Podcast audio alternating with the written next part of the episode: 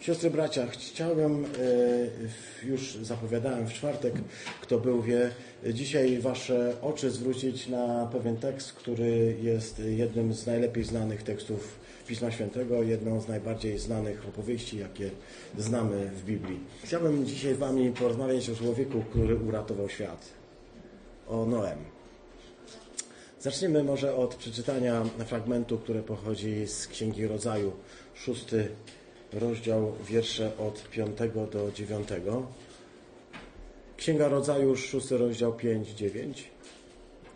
I widział Pan, że wielkie jest zło człowieka na ziemi i że każda skłonność myśli jego serca jest wyłącznie zła, każdego dnia.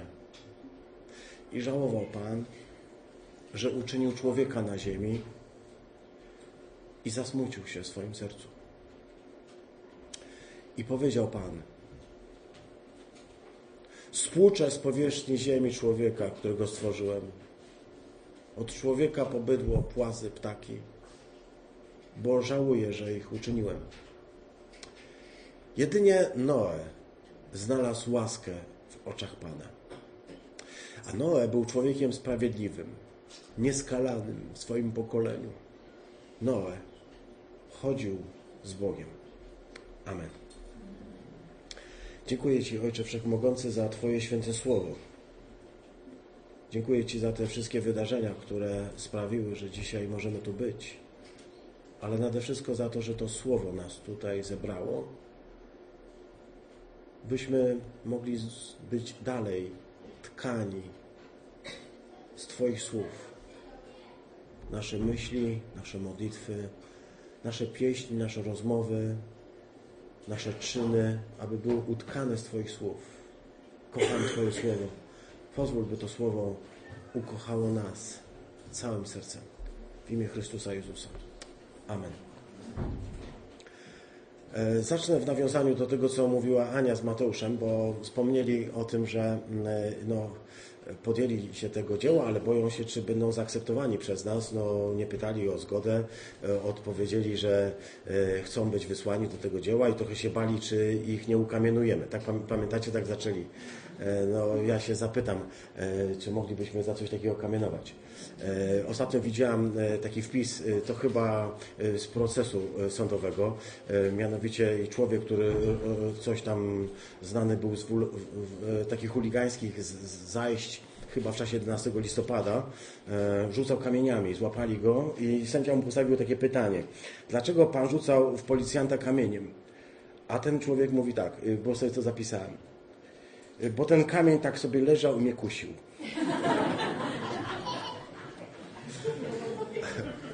tak sobie leżał, mnie kusił. To tak w kwestii dotyczącej, nie, nie, nie będziemy kamienować ta historia o Noem przypomina mi taką historię, którą kiedyś opowiadała mi Renia Rudnicka e, w kategorii e, dawno, dawno temu w zborze.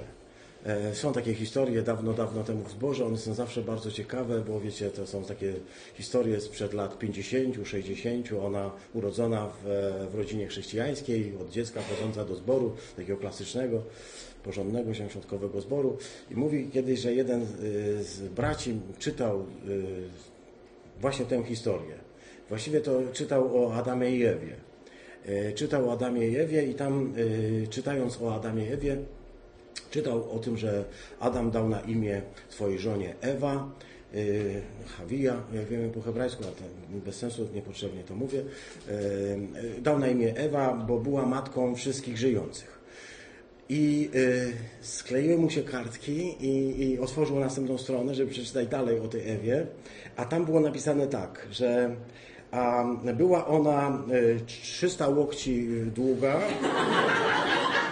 50... Y, e, przepraszam, bo się pomyliłem.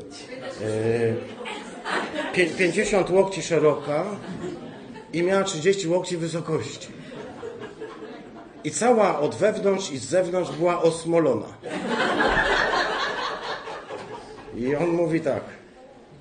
Siostry, bracia, mamy taki tekst w Biblii. Wiemy, że Ewa była matką wszystkich żyjących, więc nic dziwnego, że taka duża. Ale czemu ona była osmolona wewnątrz i zewnątrz, tego nie wiem. zawsze mi się przypomina ta historia, kiedy czytam o Noem, choć to może nie jest e, najlepszy e, przykład, ale dawno, dawno temu w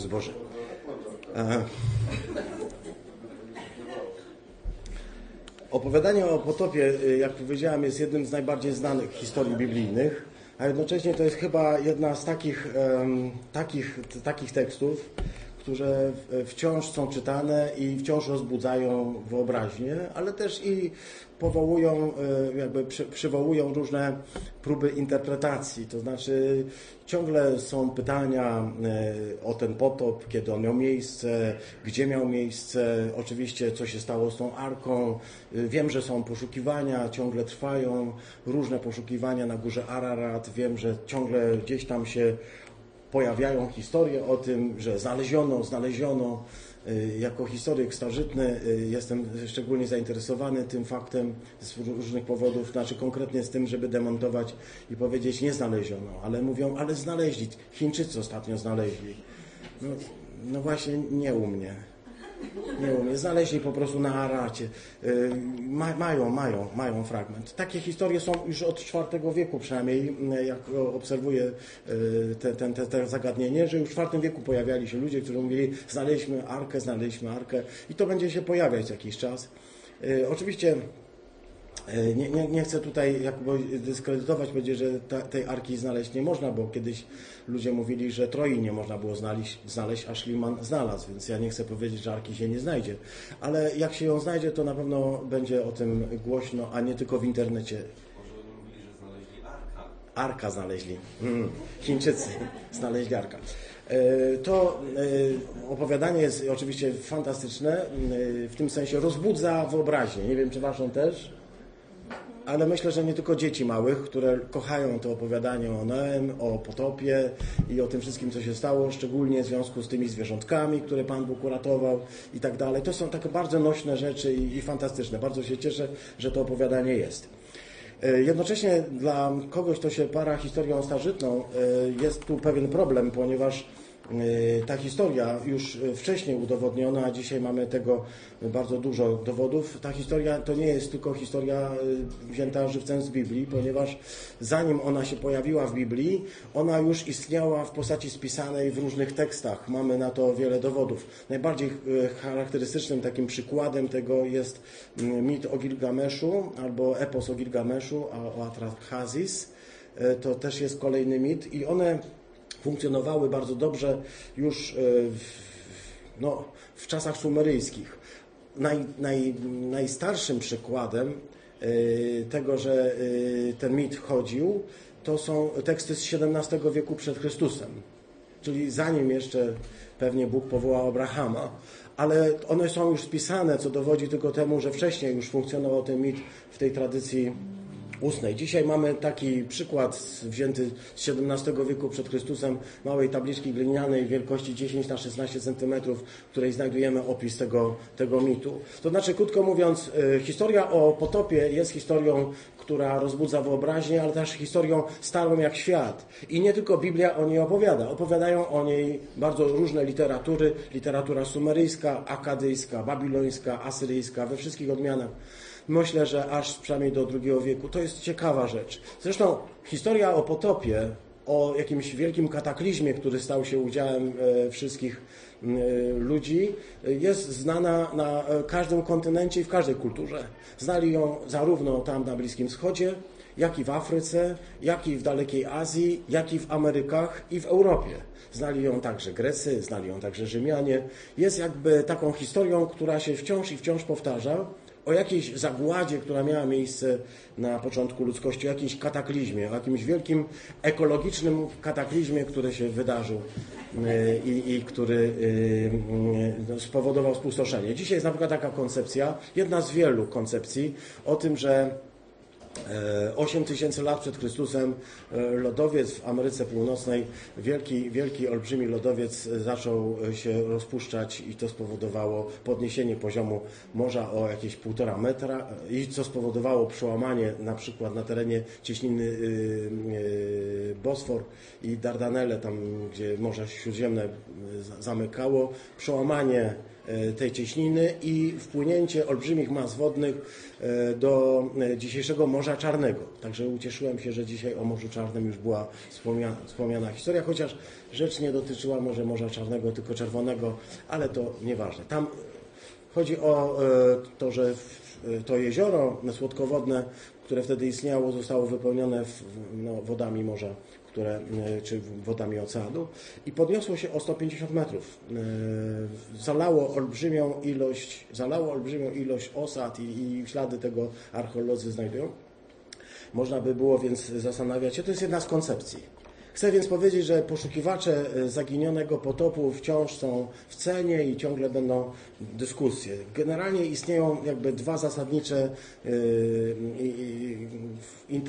interpretacje. Jedna, która za wszelką cenę chce pokazać e, interpretację taką dosłowną, literalną, potop był, miał miejsce w tym i w tym roku. W niektórych tekstach biblijnych, w niektórych tłumaczeniach możemy znaleźć datę nawet podaną, kiedy Tutaj szczególnie świadkowie J słyną z tego, ale nie tylko. Ewangeliczni chrześcijanie bardzo lubią e, takie daty, również dlatego, że są mocno przywiązani do takiego literalnego czytania, dosłownego czytania Biblii, więc wszystko traktują tak bardzo dosłownie i myślę, że to jest jakiś sposób interpretacji. Ale drugi, e, gruba grupa zwolenników odczytania tego tekstu to ci, którzy są raczej e, zwolennikami metafory, czyli szukania E, w tych wydarzeniach, pewnie i historycznych, jak najbardziej pewnych e, przekazów teologicznych. I ja oczywiście e, miałem takie pokuszenie, żeby Wam szerzej na ten temat powiedzieć, ale się oparłem.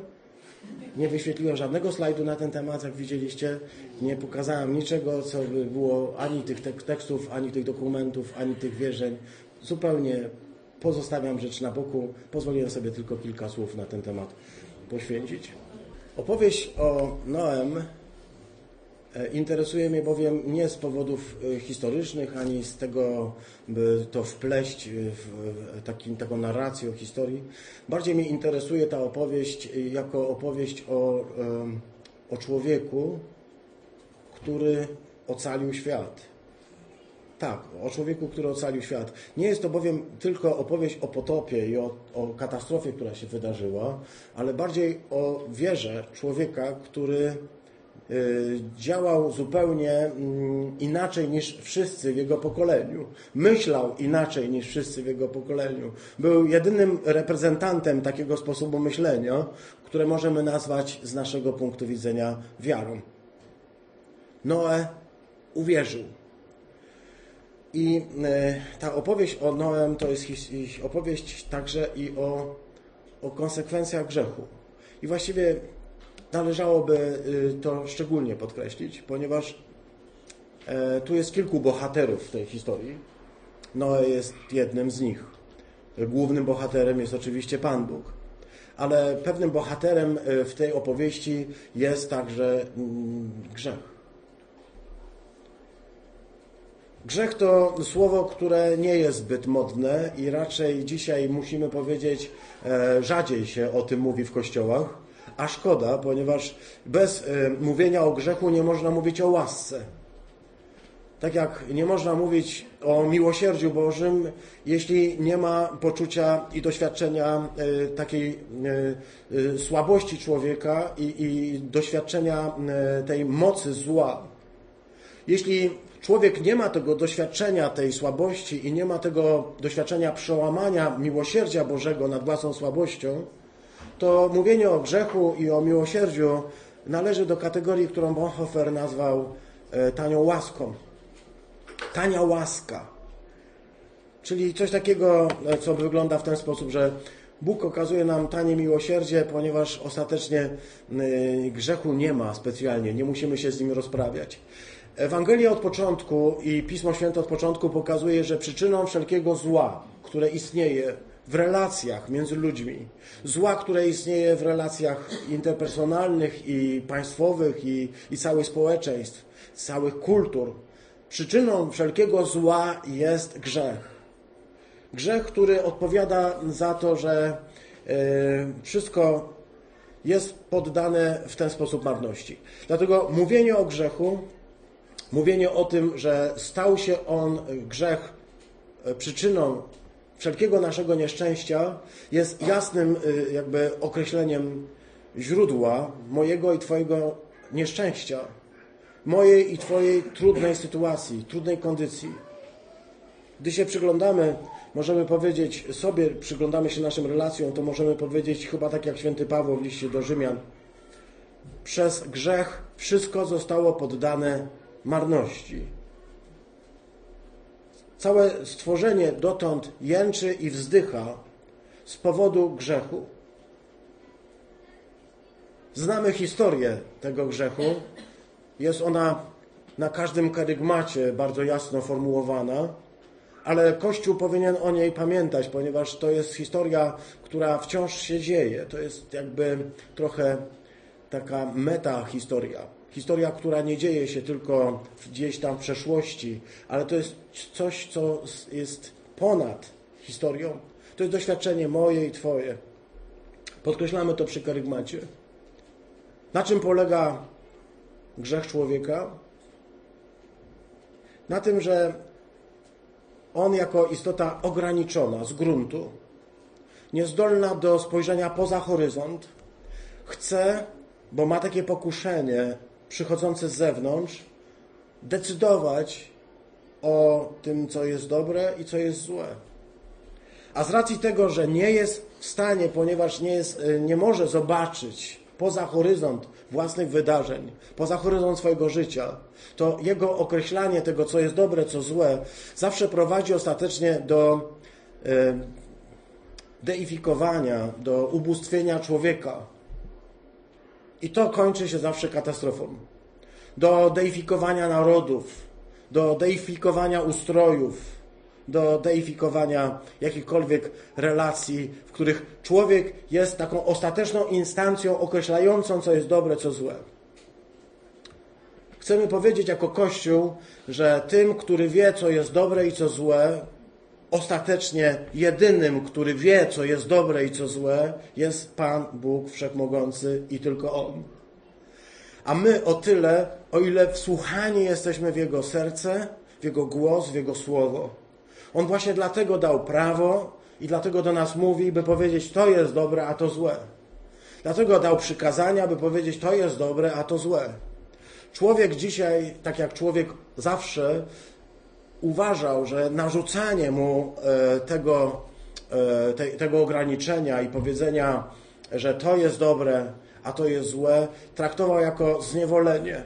I to było to pokuszenie, które y, zły przynosi do serca człowieka, aby powiedzieć człowiekowi: Nie daj się stłamsić, nawet Bogu, bo kto może decydować o tym, co jest dla ciebie dobre, a co złe, jeśli nie ty.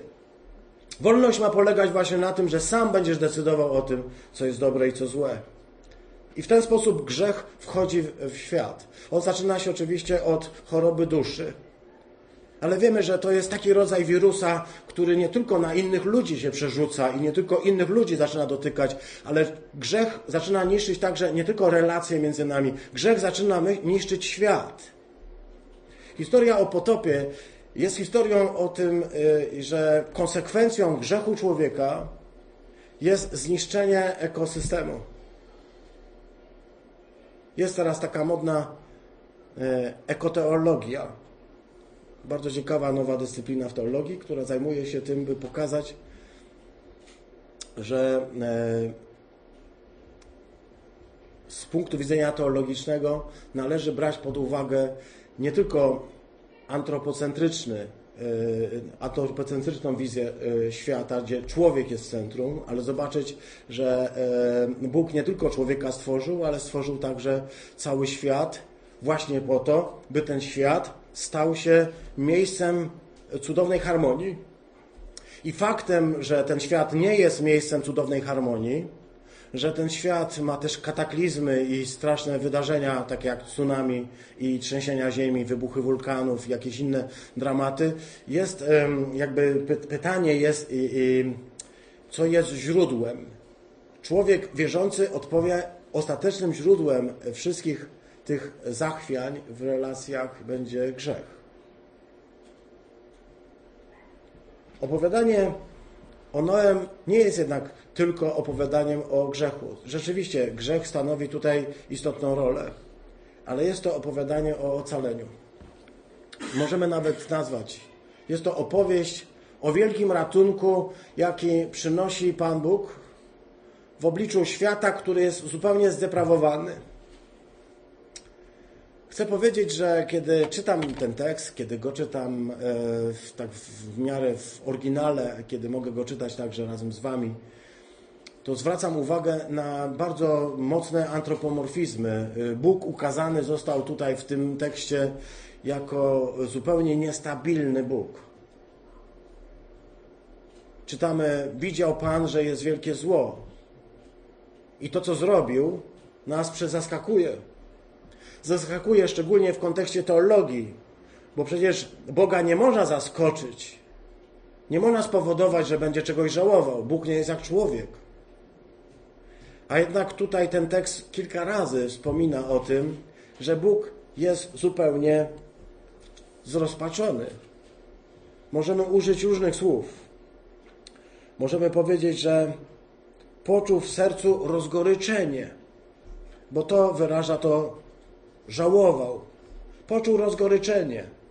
Patrząc na świat, który stworzył, w pewnym momencie świat dopuścił się, y, znalazł się w takiej sytuacji, że Bóg stwierdził, że zupełnie, zupełnie wypaczona jest jego myśl o stworzeniu. Ten świat nie jest taki, jak on go stworzył. I żałował. A żeby było jasne, dodał jeszcze narrator i zasmucił się w swoim sercu. To słowo zasmucił się, to samo jak słowo żałował. Ono jest używane w języku e, ludzkim do wyrażania e, nie tylko żalu, ale i skruchy i poczucia, że zbłądziłem. Tego oczywiście tutaj wpisać nie możemy.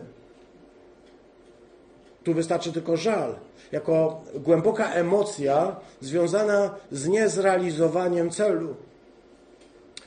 Możemy powiedzieć, w Bogu nie, nie ma idei zła, tak? Nie ma takiej myśli, e, on, on nie przewiduje zła w znaczeniu takim, jakbyśmy sobie to zwyczajnie w naszej teologii mieścili, że Bóg wszystko doskonale wie. On jest zaskoczony złem. Widzicie to? Jego to zło tak zaskoczyło, że y, mówi o sobie, żałuje, że uczynił człowieka i zasmucił się. Powiedział, żałuję, że to wszystko zrobiłem. Chciałbym, żebyśmy mogli się wsłuchać w to serce Pana Boga. Ono jest y, ważnym głosem w, naszym myśli, w naszej myśli o Panu Bogu. Ponieważ głosząc jakąś tanią łaskę i tylko mówiąc o tym, że wyłącznie Bóg e, miłuje i jest miłosierny, musimy pamiętać o tym, że e, to miłosierdzie zawsze wychodzi naprzeciw naszemu grzechowi. Miłosierdzia potrzebuje człowiek, który się E, zupełnie ochydził. Dlatego potrzebuje miłosierdzia. Człowiek, który e, nie zasługuje na to ze względu na złamanie wszystkich reguł i wszystkich zasad. Zasmucił się, żałował i powiedział: Spłuczę to wszystko z ziemi, którą uczyniłem. Spłuczę to wszystko. Tam jest takie ładne słowo, rzadko używane. Wiesz, tak jakbyś miał brudne ręce i wziął, włożył pod kran, żeby ten cały brud spłynął wreszcie. Ziemia nie miała być taka. Ziemia nie miała być przestrzenią chaosu, przestrzenią niesprawiedliwości, ale miała odbijać harmonię. Miała pokazywać e, oblicze Boga, który go, ją stworzył, a szczególnie człowiek, który staje się obrazem i podobieństwem Boga na ziemi. Wsłuchajmy się w ten głos Boga, ponieważ on nie jest inny od tego, które wciąż dominuje. Bóg nie zgodził się na żadną niesprawiedliwość. My się możemy godzić, siostry bracia. My możemy siedzieć cicho. My możemy udawać, że nie widzimy. My możemy przyjąć, że tak jest i tak musi być. My możemy założyć, że widocznie tak jest skonstruowany świat, ale ja chcę powiedzieć, Pan Bóg się na to nie godził i nie godzi. On wypowiada się radykalnie przeciwko wszelkiej niesprawiedliwości. I dla mnie jest to najpiękniejsze, co wiem o Panu Bogu. Radykalna niezgoda na jakąkolwiek niesprawiedliwość. masz ją w sercu, ponieważ właśnie ją zaszczepił Ci Pan Bóg. Tą niezgodę na niesprawiedliwość. Gdy ktoś jest źle traktowany, gdy słabszy jest y, traktowany źle przez y, mocniejszego, gdy bogatszy źle traktuje biednego, gdy człowiek traktuje drugiego człowieka jak przedmiot, nie jak osobę, nie jak podmiot, reagujemy na to, choć nieraz nasza reakcja jest nieadekwatna. Chcemy, siostry bracia, ciągle i ciągle pamiętać o tym, że Bóg ma właśnie takie serce. Jest to serce, które się nie godzi na żadną niesprawiedliwość. Jest to serce, które nie przyjmie żadnego tłumaczenia, bo tak musiałem, bo nie było innego wyjścia. To jest serce, które mówi, że jest święte i jest doskonałe. Paul Washer powiedział kiedyś coś takiego, że e, człowiek nie powinien się ucieszyć z faktu, że Bóg jest dobry, a już w ogóle być przerażony faktem, że jest sprawiedliwy, a najbardziej tym, że jest święty. Dlatego, że jeśli Bóg jest dobry i sprawiedliwy i święty, to ja nie mam czego przy nim szukać. Ponieważ nie jestem ani sprawiedliwy, ani święty, ani dobry. Świętość nie obcuje z nieświętością. Bóg się brzydzi grzechu. Bóg się brzydzi nieczystości. Mówi, spłuczę to wszystko. Nie chcę patrzeć więcej na tę ziemię, która miała być miejscem, gdzie stworzenia ze sobą żyją w harmonii, gdzie człowiek tym wszystkim będzie dobrze kierował, a staje się jakimś koszmarem. Wiemy, że kiedy stworzył świat, w kółko powtarzał, że to jest dobre. Kiedy stworzył światłość, kiedy powiedział, niech się stanie światłość. I stała się światłość, to widząc, że światłość jest dobra, oddzielił ją od ciemności. A potem, kiedy stworzył ziemię i morze, powiedział i, i, narrator, i widział Bóg, że, to ziemię, że ta ziemia i że to morze, że to było dobre. A kiedy potem stworzył drzewa i, i o, na tych drzewach owoce się pojawiły i nasiona i tam e, życie i widział Bóg, że to było dobre. A potem, kiedy umieścił na niebie światła większe i mniejsze, i słońce, i księżyc, i gwiazdy, widział Bóg, że były dobre. A gdy zaroiły się wody wszelkimi rybami, a niebiosa ptactwem, to popatrzył na to wszystko i powiedział, że to wszystko jest dobre i pobłogosławił temu. A potem stworzył różne gatunki zwierząt i powiedział, że były dobre. A kiedy zakończył całe to dzieło, czytamy, a Bóg widział, że wszystko, co uczynił, było bardzo dobre. I tak upłynął wieczór i poranek, dzień szósty. Bóg widział, że wszystko, co stworzył, było bardzo dobre. Więc skąd zło?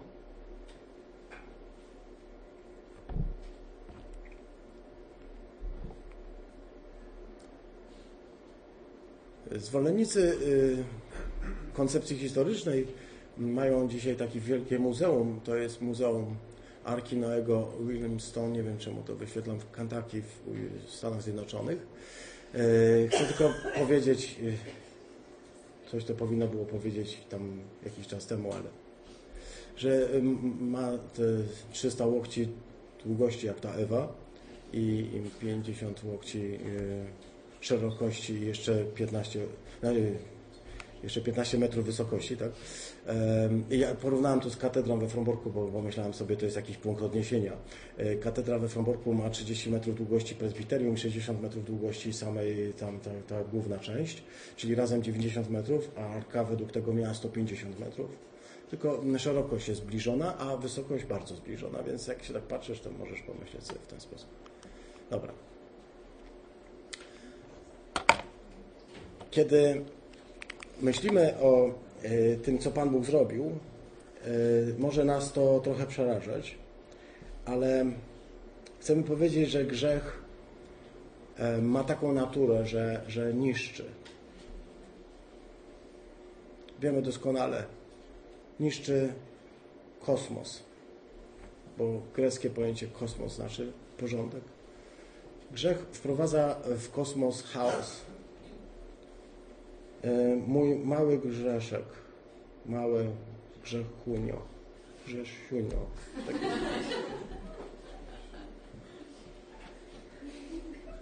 Jeśli świat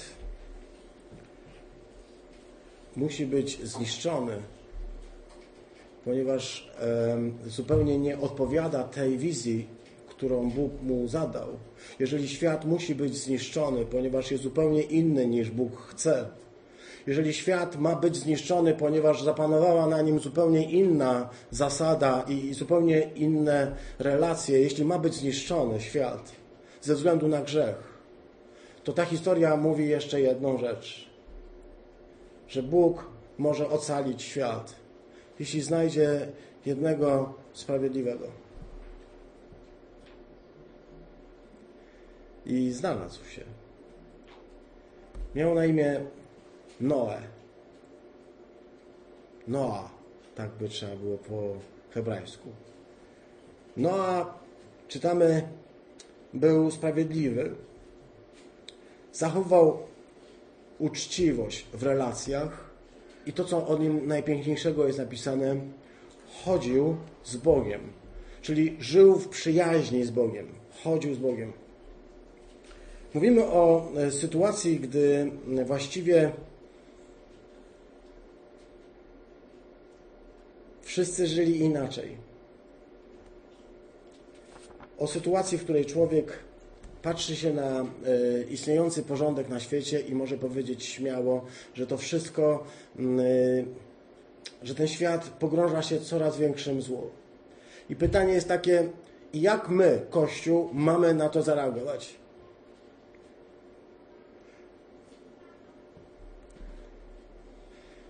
nie pozwolić, by ten świat y, zagościł. Nie zgadzać się radykalnie na żadną formę niesprawiedliwości. Kiedy myślę o arce i myślę sobie o tej wędrówce przez ten rok po wodach morza czy oceanu, po wodach potopu, to chcę powiedzieć, że ta arka staje się takim mikroświatem, w którym e, ludzie są zamknięci w niewielkiej przestrzeni razem z całym stworzeniem. I to, co nas zaskakuje, to to, że po wyjściu wszyscy żyli. Dla świętego Augustyna obraz Arki to obraz Chrystusa. Zresztą tak jak dla świętego e, Piotra, piszącego list, że obrazem um, Arki, czy y, tym, czym jest Arka, y, jest sam Chrystus. Ale Augustyn poszedł dalej, bo w tej historii o arce czytamy, że miał zrobić e, Noe drzwi do tej arki z boku. A Bóg je w pewnym momencie zamknął za nimi. I Augustyn mówi, że wejść e, można do tej arki tylko z boku. Przez ten bok. Przez ten bok otwarty. Można do niej wejść. To, co my głosimy, to to, siostry bracia, że nie my jesteśmy tą arką, że Chrystus jest tą arką. Jeśli ten świat ma być uratowany, to tylko ze względu na jednego sprawiedliwego. I to my dzisiaj głosimy znowu. Ktoś mi powiedział ostatnio, mówisz wciąż o Chrystusie. Tak, nie mówię o dziesięcinach. Mówię o Chrystusie ponieważ jestem głęboko przekonany, że jeśli oddam swoje życie Chrystusowi tak do końca, jeśli ten Kościół zaufa Chrystusowi do końca, jeśli zamieszkamy w Chrystusie w pełni, to wtedy On nas nauczy harmonii. Dlatego nauczy nas wszystkich innych rzeczy: ofiarności, życzliwości, ale najpierw musimy po prostu w nim zamieszkać. Dlatego najważniejszym przesłaniem Kościoła było, jest i niech pozostanie. Uwierz, że Jezus jest jedynym ratunkiem. Jak dla tamtego świata jedynym ratunkiem było wejść do arki i y, wejść we wspólnotę z Noem, dzięki czemu mogłeś zostać uratowany. Tak uratowana została jego żona, jego synowie, jego synowe i wszystkie zwierzęta. Właśnie dlatego, że uwierzyły jednemu, który chodził z Bogiem. Nie wiemy nic o jego synach więcej, poza tym, że mieli na imię e, Jafet, Sem, Ham. O jego synowych nic nie wiemy. Nie wiemy też w ogóle o jego żonie. W ogóle sam Noe nie wypowiedział w tej historii ani jednego słowa. Nie ma żadnego dialogu. W tej historii tylko Bóg mówi, Noe słucha. Ale jest to historia o tym, że jedynym ratunkiem jest zaufanie Słowu. Noe nie znał historii o potopie. Nie słyszał o kataklizmach, które się mogły y, dziać na świecie. I kiedy Bóg przyszedł do niego z tą wieścią, że wybrałem Ciebie, aby uratować świat, ponieważ jedyny jesteś sprawiedliwy, mógł powiedzieć: Ja w ogóle nic nie rozumiem. Ale wypełnił to, z czym został posłany.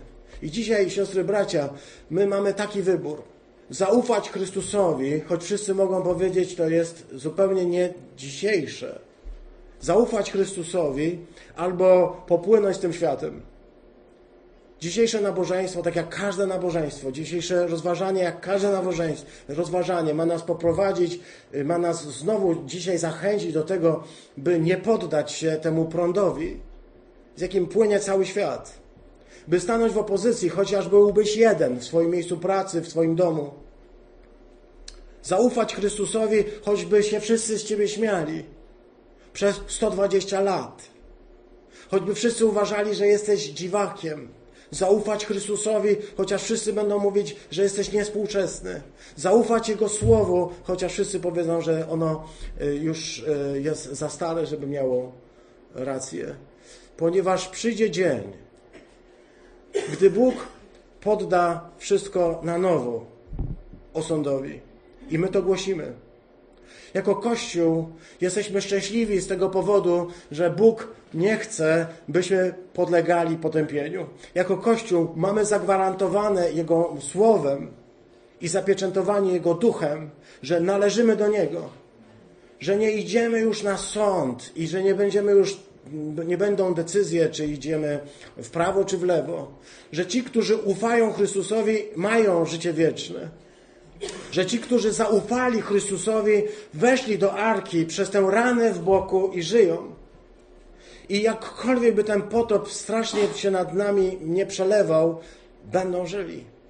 I to jest nasze zbawienie, i to jest nasz ratunek. O tym głosimy i o tym mówimy. Ale dramatem jest to, że możemy ciągle ulegać wpływom. Jeśli jesteśmy poddani ciągle jakimś kłamstwom, jeśli ktoś nas w kółko oszukuje i udaje, że się o nas troszczy, a tak naprawdę chce naszego zła i będzie nam to wmawiał każdym możliwym sposobem, przez telewizję, przez, tele, przez internet, przez prasę, przez y, różne inne możliwości, będzie kłamał, kłamał, kłamał, to wie, że ty wreszcie w to uwierzysz. Dlatego spotykamy się co niedziela, dlatego spotykamy się co czwartek, dlatego spotykamy się w miarę możliwości jak najczęściej, by rozważać słowo, by się tego trzymać. Ponieważ prąd jest bardzo mocny, bardzo silny, by nas z tej arki jakby wyrzucić.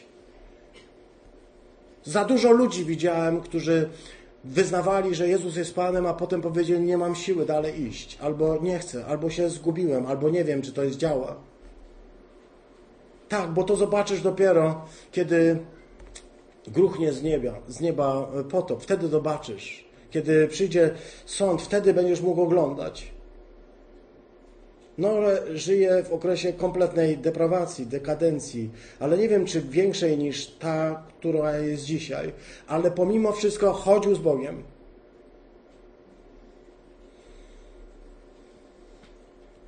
Wystarczy jeden dobry człowiek, by ocalić świat.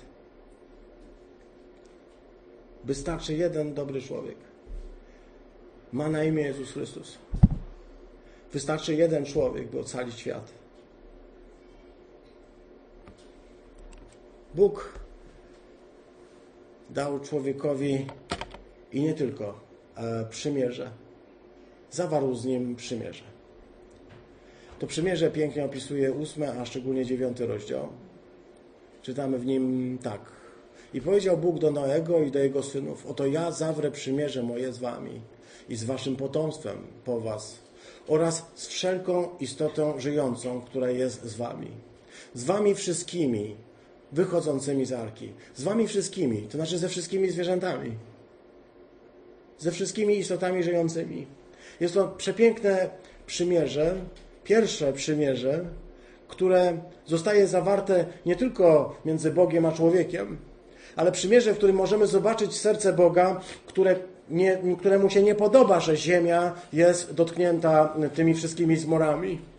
Boga, który nie po to stworzył świat, żeby go zniszczyć. Boga, który chce go uratować. I nie tylko o Tobie myśli, i nie tylko o mnie, ale i o wróblach. Zawrę przymierze moje z wróblami i z każdą inną istotą, fruwającą, pływającą, biegającą, z każdym. To jest właśnie Bóg. Myśmy to zamknęli wyłącznie do wąskiego grona e, ludzi, ale Bóg nie chce i nie zamierzał stworzyć świata wyłącznie z ludźmi. Zabieram z wami przymierze, że nie będzie zniszczone wodami potopu żadne ciało nigdy więcej i nie będzie już nigdy więcej potopu niszczącego ziemię.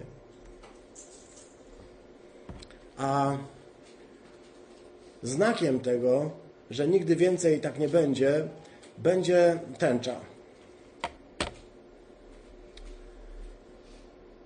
Ciekawa rzecz, bo o tej tęczy jest napisane, że ona jest znakiem tego przymierza, ale jak czytasz ten dziewiąty rozdział, zwróć na to uwagę, jak wrócisz do domu, przeczytaj ten dziewiąty rozdział, przeczytaj go. Tam jest napisane, że ten znak jest znakiem dla ciebie, ale bardziej dla, dla Boga. On mówi, kiedy się spojrzę na tęczę, wtedy przypomnę sobie, to jest ten język, wtedy przypomnę sobie, że dałem taką obietnicę i chociażby już gniew mi tak wzrastał, odpuszczę, bo obiecałem już nie zniszczyć wodami potopu tego świata. Co to jest tęcza? O cóż. To jest taki specyficzny związek wody i światła, promieni słonecznych i kropel deszczu, kropel wody, które są w, w powietrzu. Tęcza pojawia się, kiedy jest woda i światło. Tak wygląda? Ale Apokalipsa powiada tak, czwarty rozdział. A oto w niebie stał tron, a na tronie zasiadł ktoś. A zasiadający był podobny z wyglądu do jaspisu i do krwawnika, a tęcza dookoła tronu podobna była do szmaragdu. E, dostałem od żony spinki szmaragdowe. I jak pomyślałem sobie, dzisiaj jest chyba najlepszy czas, żeby ubrać z okazji kolejnej rocznicy ślubu. Szmaragdowe.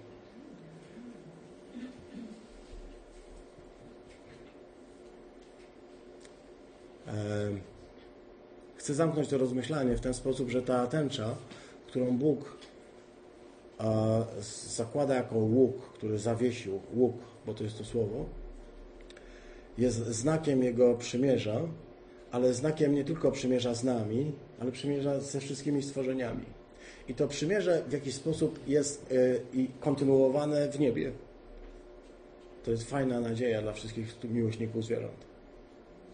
Ponieważ jest napisane, że dalej y, znakiem, który charakteryzuje Pana Boga jest tęcza, która okala tron Boga. Tęcza szmaragdowa, ale tęcza. Tam też jest e, światło i woda. Duch i Chrystus. To On powoduje, że e, ta tęcza może ciągle istnieć jako znak przymierza. Znak przymierza między Bogiem a całym stworzeniem. Znak, który tworzy Duch i Chrystus. Woda i światło. Chciałbym Was zachęcić do tego, siostry bracia, żebyśmy popatrzyli na to przymierze, bo może za tydzień byśmy się przyjrzeli kolejnemu. A teraz zapraszam Was do modlitwy. Chciałbym poprosić z Wami razem Pana Boga, by dał nam takie serca, które się nie godzą na niesprawiedliwość, które się nie godzą na zło.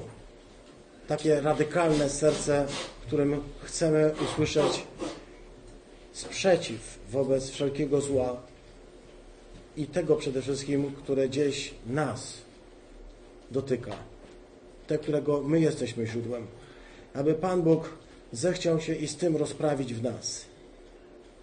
Dzięki temu jedynemu sprawiedliwemu, dzięki Jezusowi Chrystusowi. Amen.